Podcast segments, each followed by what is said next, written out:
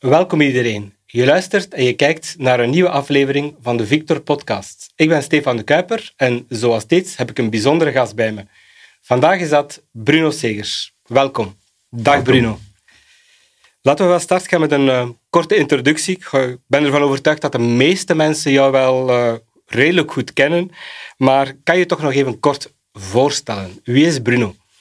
Ja, ik, uh, ik ben van het jaar van het atomium, vader van twee kinderen. Intussen tijd al grootvader van twee kleinkinderen. Eigenlijk ben ik een ingenieur van opleiding, maar heb ik mijn ganse loopbaan uh, in die jonge, toen jonge ICT-sector mhm. doorgebracht. Eerst bij de Amerikaanse technologiebedrijven zoals Lotus, IBM, Oracle. En dan Microsoft geleid in België. Real Software en Domme gefuseerd. Mee aan de wieg gestaan van wat nu in IMEC is opgenomen, iMinds. kortom, ik ben een digitale burger die nu kijkt naar wat we allemaal kunnen doen in de laatste fase van, onze, van ons leven, zou ik zeggen. Top, top. Kijk, we gaan direct van start gaan.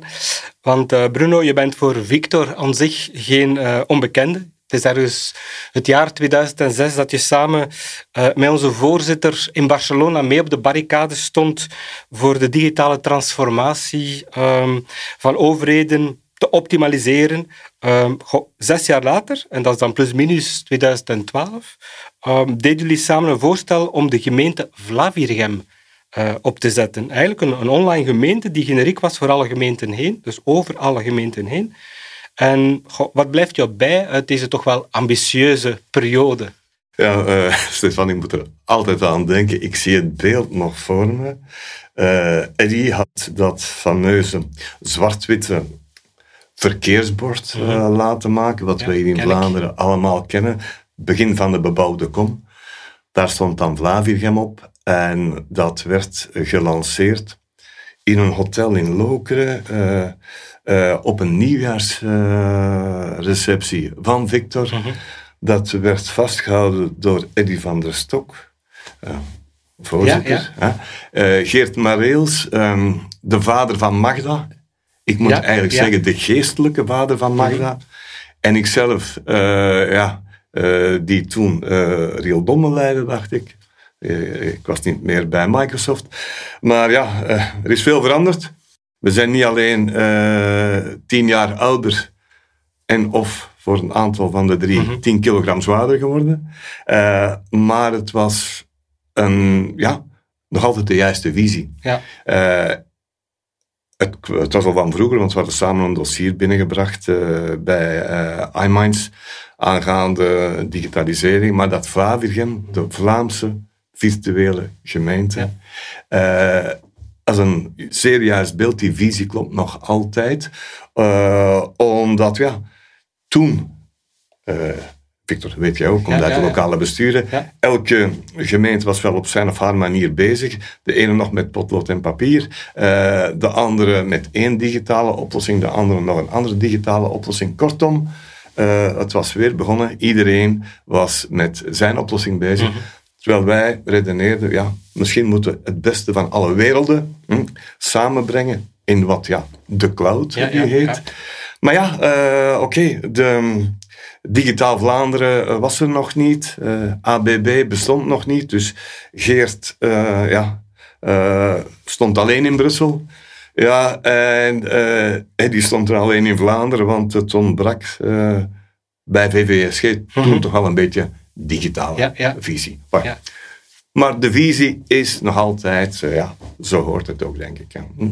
Dus, maar kijk, uiteindelijk um, men heeft uiteindelijk wel oor gehad naar het verhaal, want ik denk dat het vorig jaar moet geweest zijn, 2021, um, ehm, dat toch de, de oproep rond gemeenten zonder gemeentehuis naar voren kwam. En ja, de vraag is dan eigenlijk een beetje 2006, 2012 en dan nu 2021. In hoeverre komt dat verhaal van toen nog tegemoet overeen met de plannen die jullie toen voorzien hadden? De, de visie is nog altijd brandend actueel, maar uh, kom er zo dadelijk op terug. Maar laat ons even naar de, eerst eens even naar de banken mhm. kijken. Uh, als je kijkt welke digitale transformatie de banken hebben ondergaan, uh, ik denk dat er misschien wel wat te veel bankfilialen gesloten zijn. Hm? Dat is één punt. Maar uh, daarnaast hebben we vandaag hebben bijna alle burgers, 9 op de 10 of zelfs iets meer, hebben een smartphone. En maar ja, die gebruiken dat toch wel voor een uh, loketfuncties die, uh, voor de bank. Mhm. Dus uh, als we dan kijken waar we met de overheid staan, dan denk ik dat we nog een weg te gaan hebben. Dus dat beeld dat we naar een, een consistente functies moeten gaan in de cloud bestaat nog altijd, maar nu komt daar de uitdaging bij. Mhm. Ja, het loket. Ja, verdorie, het loket. Dat zit hier in mijn binnenzak. Hè. Uh, mijn bankloket uh, zit hier in mijn binnenzak. En ik, ik ga zowel naar Belfius, KBC als BNP Paribas ga ik met dit. Mm -hmm. Dus kom mij niet zeggen waar het ondernemingsloket, het burgerloket moet zitten. Ik ben trouwens zeer blij dat we eigenlijk mijn burgerprofiel hebben, maar dat komt straks nog wel op. Zeker wel. Nu, je bent ondertussen ook bezig met een, een heel ander inspirerend uh, verhaal. Hè. Men zegt van Suzanne Tigoon dat hij zijn volk leerde uh, eten en drinken, om het zo te zeggen. En is Bruno Segers dan de man die zijn volk leerde om gebruik te maken van digitale instrumenten? Um, met jouw verhaal rond de twaalf geboden uh, voor digitaal gebruiksgemak in Vlaanderen. Ja, dat op een gegeven moment uh, kruipt er iets in je hoofd en het moet eruit. Dat was inderdaad, eh, ik zei, ik kan toch eens een e-book schrijven uh, rond digitaal is een werkwoord. Maar uh, laat me toch even toelichten wat me dreef mm -hmm. om dat te gaan doen. het was eigenlijk, even terug in de tijd, juli 2021, de COVID Safe app kwam uit. Mm -hmm. die COVID Safe app uh, is de zaken gemaakt geweest door het team van Digitaal Vlaanderen. Uh, en is eigenlijk daarna federaal gebruikt en stond op vijf weken op vijf miljoen smartphones. Hmm. Ja. Uh, op een familiefeestje toonde de vader van mijn vriendin, een partner, die man is vooraan in de negentig hm?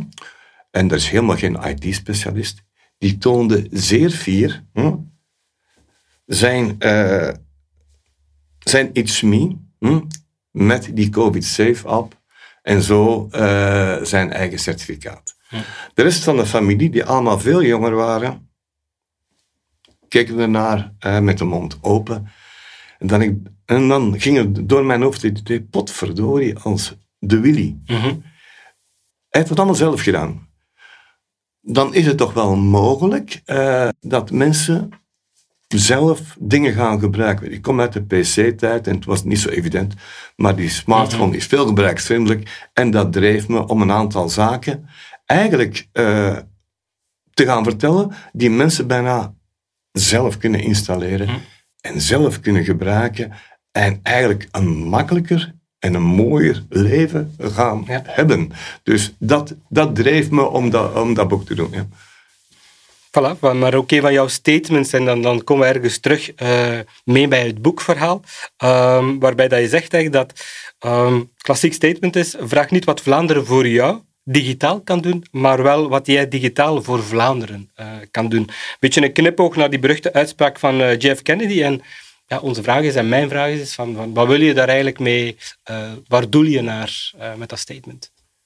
Ik kom uit de jeugdbeweging, Skelting, en daar is zelfwerkzaamheid een van de basispijlers. Mm -hmm. uh, ik heb in mijn, mijn loopbaan en, en, toch vastgesteld dat IT hoe langer hoe gebruiksvriendelijker wordt, en ook door de mensen zelf kan gebruikt worden zonder enige hulp. Uh, maar we beseffen dat niet, uh, niet voldoende. En dat heeft ook te maken met de historiek. Uh, we gaan hier niet ingaan op de pijn die het nog altijd is om uw EID met uw lasers te koppelen aan een browser, -hmm. dan uw PC te veranderen. je krijgt daar grijze haren van. En ik begrijp dan wel dat mensen terecht, terecht uh, op ICT-vloeken. Maar de tijden zijn veranderd. Er zijn vandaag leuke dingen die onmiddellijk out of the box uh, uitdoenbaar zijn. En daar wou ik de nadruk op brengen. Er staan dus twaalf aanbevelingen in, dingen die je zelf kan doen. Een van de voorbeelden, en, en daar begin ik mee, uw, uw eigen e-mail. Ja, het is niet aan de overheid om u een e-mailadres te geven. De overheid zegt ook niet dat jij in die straat moet gaan wonen. Dat bepaal je zelf. Maar uw e-mail, dat bepaal je zelf. En je kan dat vandaag overal wel krijgen. Dat zijn van die kleine mhm. voorbeelden. Dus begin er zelf aan. Hm? Nu, je hebt je boek, je bent met nog zoveel andere dingen bezig, gelijk met de logica zelf. Uh, en ik weet ook dat je momenteel volop met een, een roadshow actief bent. En dat loopt onder andere met de mensen van, van Unizo. Um, wat zijn jouw ervaringen tijdens die roadshow? Is de gemiddelde Vlaming eerder digifoob of misschien zelf digifiel? Stefan, ik, uh, ik heb nu een aantal van die roadshows gedaan en ik ben heel blij uh, dat Unizo me de gelegenheid geeft om met de twee voeten op de grond, hm, op de Vlaamse grond, mhm. dingen te doen. Uh, ik blijf ook geloven dat je dingen face-to-face moet doen. Wij doen dit interview niet via Teams, we doen dit in een studio. Klopt. Uh, ik vind het zeer leuk, het blijft me meer bij. Mhm. dat, we zien elkaar recht in de ogen, ik heb het ook kunnen doen. Dus ja, korte inleiding om tot het antwoord te komen. Wel, uh, als ik nu een rode draad zie uh, uh, tussen um, over die, die eh, aantal sessies, ja, dan eh, zie ik dat zo goed als alle mensen inderdaad die smartphone hebben. Mm -hmm. Mensen die ook gebruiken niet alleen om te bellen, maar via social media en zo. Dus er is aardig wat kennis en kunde van IT, maar er is. En ik was me daar wel van bewust, maar ik heb er in mijn boek niet op ingegaan. Er is een schrik mhm. om IT te gaan gebruiken. Uh, en eigenlijk had ik een hoofdstuk 13 moeten schrijven. Uh, omdat ik heb dus in het vraag en antwoord aan het einde van elke sessie, dan, uh, dan zeiden de mensen, oh leuk, want dat wisten we niet. En, we gaan, en je ziet ook de mensen tijdens de sessie al eens wat surfen om dingen te installeren. Mhm. Maar de, de vragen gingen voornamelijk over de zorg over privacy, uh, de zorg over, over spam. een van de klassiekers, voor, voor spam gebruik ik al jaren, jaren de uitspraak die, de regel van onze ouders. Wij zijn allemaal grootgebracht, we hebben geleerd, neem nooit een snoepje aan van vreemde mensen. Mhm, mhm. Waarom kijken wij dan naar e-mails van mensen die we niet kennen? maar dat wordt dan vergeten, want men denkt altijd, oh, het is er staat een, een, fake, uh, een fake name. Hm? Ja. Uh, maar men gaat daar niet achter kijken wat het adres is. Het zijn van die kleine dingen. Maar ja, we, we moeten, we hebben vertrouwen nodig. En uh, daar heeft de overheid een enorme rol te spelen om dat vertrouwen te brengen. Want hm, ik vertrouw nog altijd meer mijn eigen overheid mm -hmm. dan technologieleveranciers. Neem me niet kwalijk, ik ben te oud geworden om mijn vertrouwen te geven hm. aan Google, Facebook en Twitter. Mhm. Nee. Not me. Ja, ik, uh, ik begrijp het helemaal. Um, en ik voel ook, je zegt van ik had misschien een dertiende hoofdstuk willen schrijven. Ik, er komt misschien nog een compleet nieuw boek aan. Ik denk dat er stof voldoende is om uh, niet alleen een dertiende hoofdstuk, maar ook een, een nieuw boek te koer te schrijven. Nu, we zagen ook dat je pleit om de, de huidige fysieke uh, ID, en dan komen we een beetje terug op het vorige verhaal ook, wat tussen, tussen fysieke dingen en tussen online verhalen. Um, dus dat je pleit om die huidige fysieke ID-kaart maar te laten voor wat ze is. En meteen al over te gaan naar een digitale ID, uh, genre It's Me of in een andere vorm uh, ontwikkeld. Maar geeft zo'n beweging naar helemaal digitaliseren van onze identiteit geen bijkomende zorg, denk ik dan. Um, want wat als het dan fout gaat, wat blijft er dan over? Wat is het potentieel van identity theft? Ja, uh, identity theft, je hebt gelijk, maar uh, we hebben en ik toon nu even gewoon mijn EID. Dat hebben we allemaal in, in onze portefeuille of portemonnee zitten. En gedurende 10 of 15 jaar zijn we daarmee naar het containerpark, het afvalpark mhm. geweest. Mhm. Voor de rest hebben we daar niet veel mee, mee kunnen uh, doen, maar het zat wel in onze portefeuille samen met een aantal andere kaarten. Hè. Uh, mijn, mijn zonen zijn uh, eh, 35 en 33. Die hebben geen portefeuille meer bij, maar die hebben een, uh, een, een, smartphone met een houdertje voor een aantal kaarten. Uh, dus je ziet die verschuiving naar de mobile ID. Uh, en ook dat komt terug in die roadshows. Mensen zeggen, ja maar, oh, wat gebeurt er als ik mijn smartphone kwijtspeel? Mm Klopt. Zeg juist, dat is een mooie vraag, maar wat gebeurt er als u twintig jaar geleden of tien jaar geleden uw portefeuille kwijtspeelde? Waarom hebt u Waarom denkt u niet meer over de schrik die u jaren geleden had over het kwijtspelen van de portefeuille en hebt u nu meer schrik over uw smartphone? Dus die smartphone, uh, daar kan je een aantal dingen op opslaan. Die, is ook een backup. Als je die kwijt bent en je hebt die juist beveiligd, dan kan niemand er nog iets mee, mee doen. Mhm. Identity theft, ja, ik ben er ook bezorgd over, maar ook daar komen we op vertrouwen en daar kan ook de overheid een rol in spelen om uw identiteit uh, eigenlijk op de juiste manier te geven. Ik geef mijn identiteit via It's Me, krijg ik ze van de overheid en geef ik ze terug aan de overheid. Ik geef mijn identiteit nooit mhm. aan Google of Facebook. Hm? Het is niet aan Google of Facebook om te zeggen dat ik Bruno Segers ben. Er is maar één entiteit, dat is, de, dat is de overheid die dat moet doen. Dus dat, daar hou ik mij aan vast. Maar ik begrijp die zorg wel, maar dat is een klik die we moeten, moeten maken. Eh, dat we onze identiteit moeten bewaren. Hm?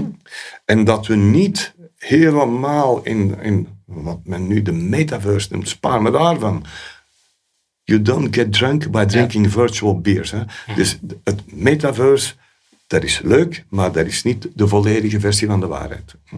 Dus, uh, we zullen straks misschien een gewone pint gaan drinken en uh, niet één in de metaverse. Goed idee. Maar uh, je sprak er juist al over Google en over Facebook. Uh, en effectief, ook in jouw, jouw boek, weet het niet exact, maar ik zie soms dingen langskomen waarbij je toch regelmatig flink tekeer gaat ook tegen Facebook en Google. En dan vooral tegen een concept, en daar, daar kwam je dan eigenlijk al een beetje op terug. Eh, het verhaal van gratis instrumenten die ze aanbieden. Anderzijds kocht Elon Musk recent ook Twitter en ging meteen voor meer openheid en het toevoegen van een aantal betalende zaken, zoals bijvoorbeeld ehm, het bevestigen van je identiteit. Uh, je weet wel, het, felbegeerde blauwe vinkje dat veel mensen graag uh, tot zich willen nemen. Um, wat is dan volgens jou het grootste probleem met dat soort uh, bedrijven? Het heeft nu een, uh, een nieuwe naam gekregen. Isabel Albers uh, sprak in de tijd over platformkapitalisme. Uh, en ja, die, die platformen zijn zodanig dominant mm en creëren een bepaald gevoel van gebruiksvriendelijkheid. Maar if something is for free, you're the product that being sold. Dat is het businessmodel met Google en Facebook. dus ja, dat is een beetje tricky. Uh, ik, ga, ik ga me niet uitspreken over, over het Twitter-gebeuren. Uh, als uh, Elon Musk er zoveel miljarden heeft gespendeerd om de grootste toog van de wereld aan te mhm. schaffen, dan had ik het aan hem om dat te monetiseren. Maar of dat het nu met of zonder blauw vinkje is, ik ga niet aan Elon Musk zeggen dat ik Bruno Segers ben. dat ga ik op een andere manier doen. Hm. En denk je dat het uiteindelijk ook met Twitter uh, een betere weg op gaat uh, in de nabije toekomst met Facebook? Of, uh... ik spreek me daar niet over uit. er stond vandaag een zeer mooi artikel van Fons van Dijk, die, die een parallel schetste wat, wat Musk bezig is met Twitter. Mm en wat, uh, wat Mark Koeken met Anderlecht bezig is. Uh, zoek het even op en lees het even. Ik vind het een zeer mooie parallel. Uh, ik wens Elon Musk veel succes. Hm. We kijken hier ook vooral dan, hè, het voorgaande verhaal hier, naar Amerikaanse bedrijven. En jouw verhaal focust zich dan anderzijds eerder op, op ons, op het gemak waarmee Vlamingen, zoals jij en ik, gebruik kunnen maken van eenvoudige tools. Nu, om, om dan op die manier de digitalisering te versnellen. Nu, tussen Vlaanderen en Amerika zit ook nog een laag met de naam Europa. Hebben zij dan ook een rol in jouw verhaal of in het verhaal? En spelen ze dan eigenlijk ook wel voldoende uit? Uh, ik ben dus 35 jaar aan het werk en ik heb een voortschrijdend inzicht over de rol van Europa De digitalisering en de digitale transformatie. Staan we toe er even op in te gaan. Uh, ik ben gestart toen IBM een dominante positie had met de mainframes. Mm uh, er waren andere mainframe leveranciers die die dominante positie aanvochten.